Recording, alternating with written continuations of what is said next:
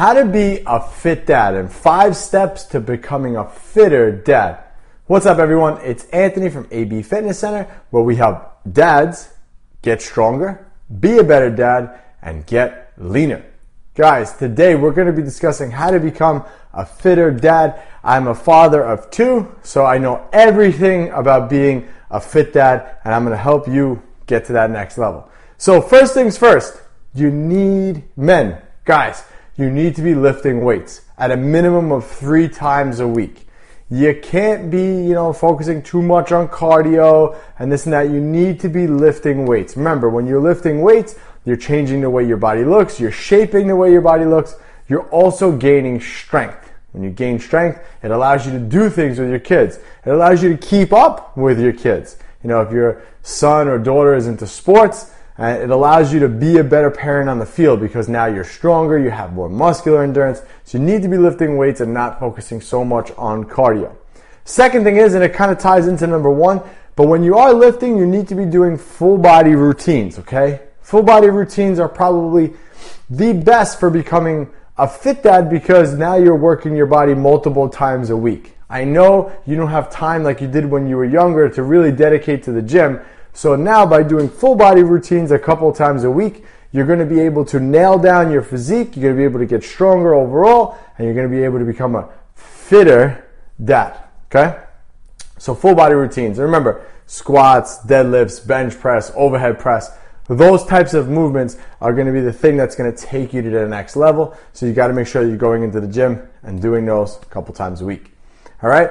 Number three, and I just kind of said not to do cardio, but I do think one of the key things that helps make me a better dad is going for a, a, daily walk. Now I also have two, I have four dogs actually, but two of them are really little and really can't walk that far. So, so I take my two dogs on a walk every day. And at first I was really thinking about this as a nuisance. Like this is so annoying. I could be doing other things.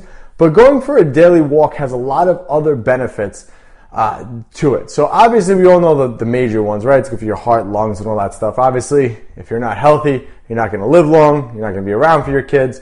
But one of the things that a daily walk does, and I realized this kind of recently, is that it really does decompress your mind.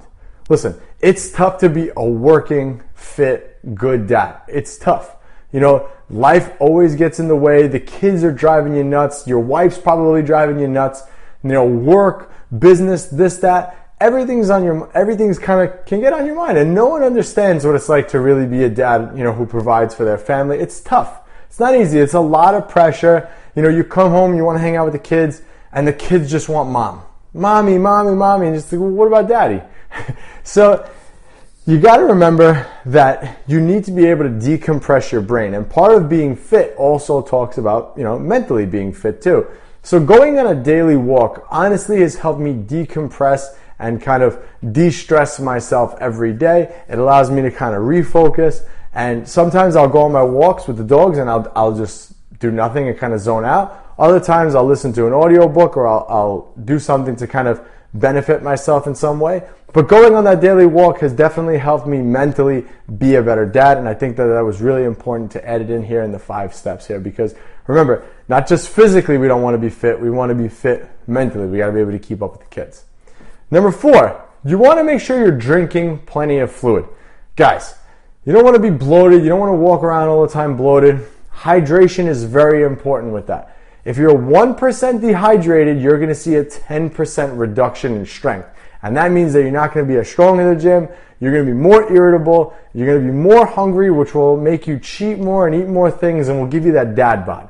You don't want the dad bod, right? We want to focus on being as lean and as, as fit as possible. And the more water you take in, the more water your body's going to get rid of. That's how it works. So you got to be drinking plenty of fluid. Water is alpha, guys. You got to be drinking plenty of water. And number five, fellas, you need to be eating more protein. Okay? Protein is vital when it comes to changing your body, but also becoming a fit dad. Protein is the building blocks for muscle. So every year that we age past 30, men lose about 5% of their muscle mass. It's a lot of muscle mass to lose. And obviously, the less muscle you have, the heavier you're going to be because now you're not burning as many calories and also you're not going to be as lean. Plus, you're not going to be as strong. Your muscular endurance is not going to be there. You're not going to be able to keep up with the kids and you're not going to be a fit dad. So, you need to be eating plenty of protein. I recommend one gram per pound of body weight. So, if you weigh 200 pounds, you need to be eating about 200 grams of protein every day in order to stay and be fit. Okay? So I'm going to summarize kind of all these things and my takeaways for you guys. So I guess in a nutshell, we'll talk about the takeaways. But first, if you're interested in working with me to become the fittest dad on the block, make sure you click that link in the description below.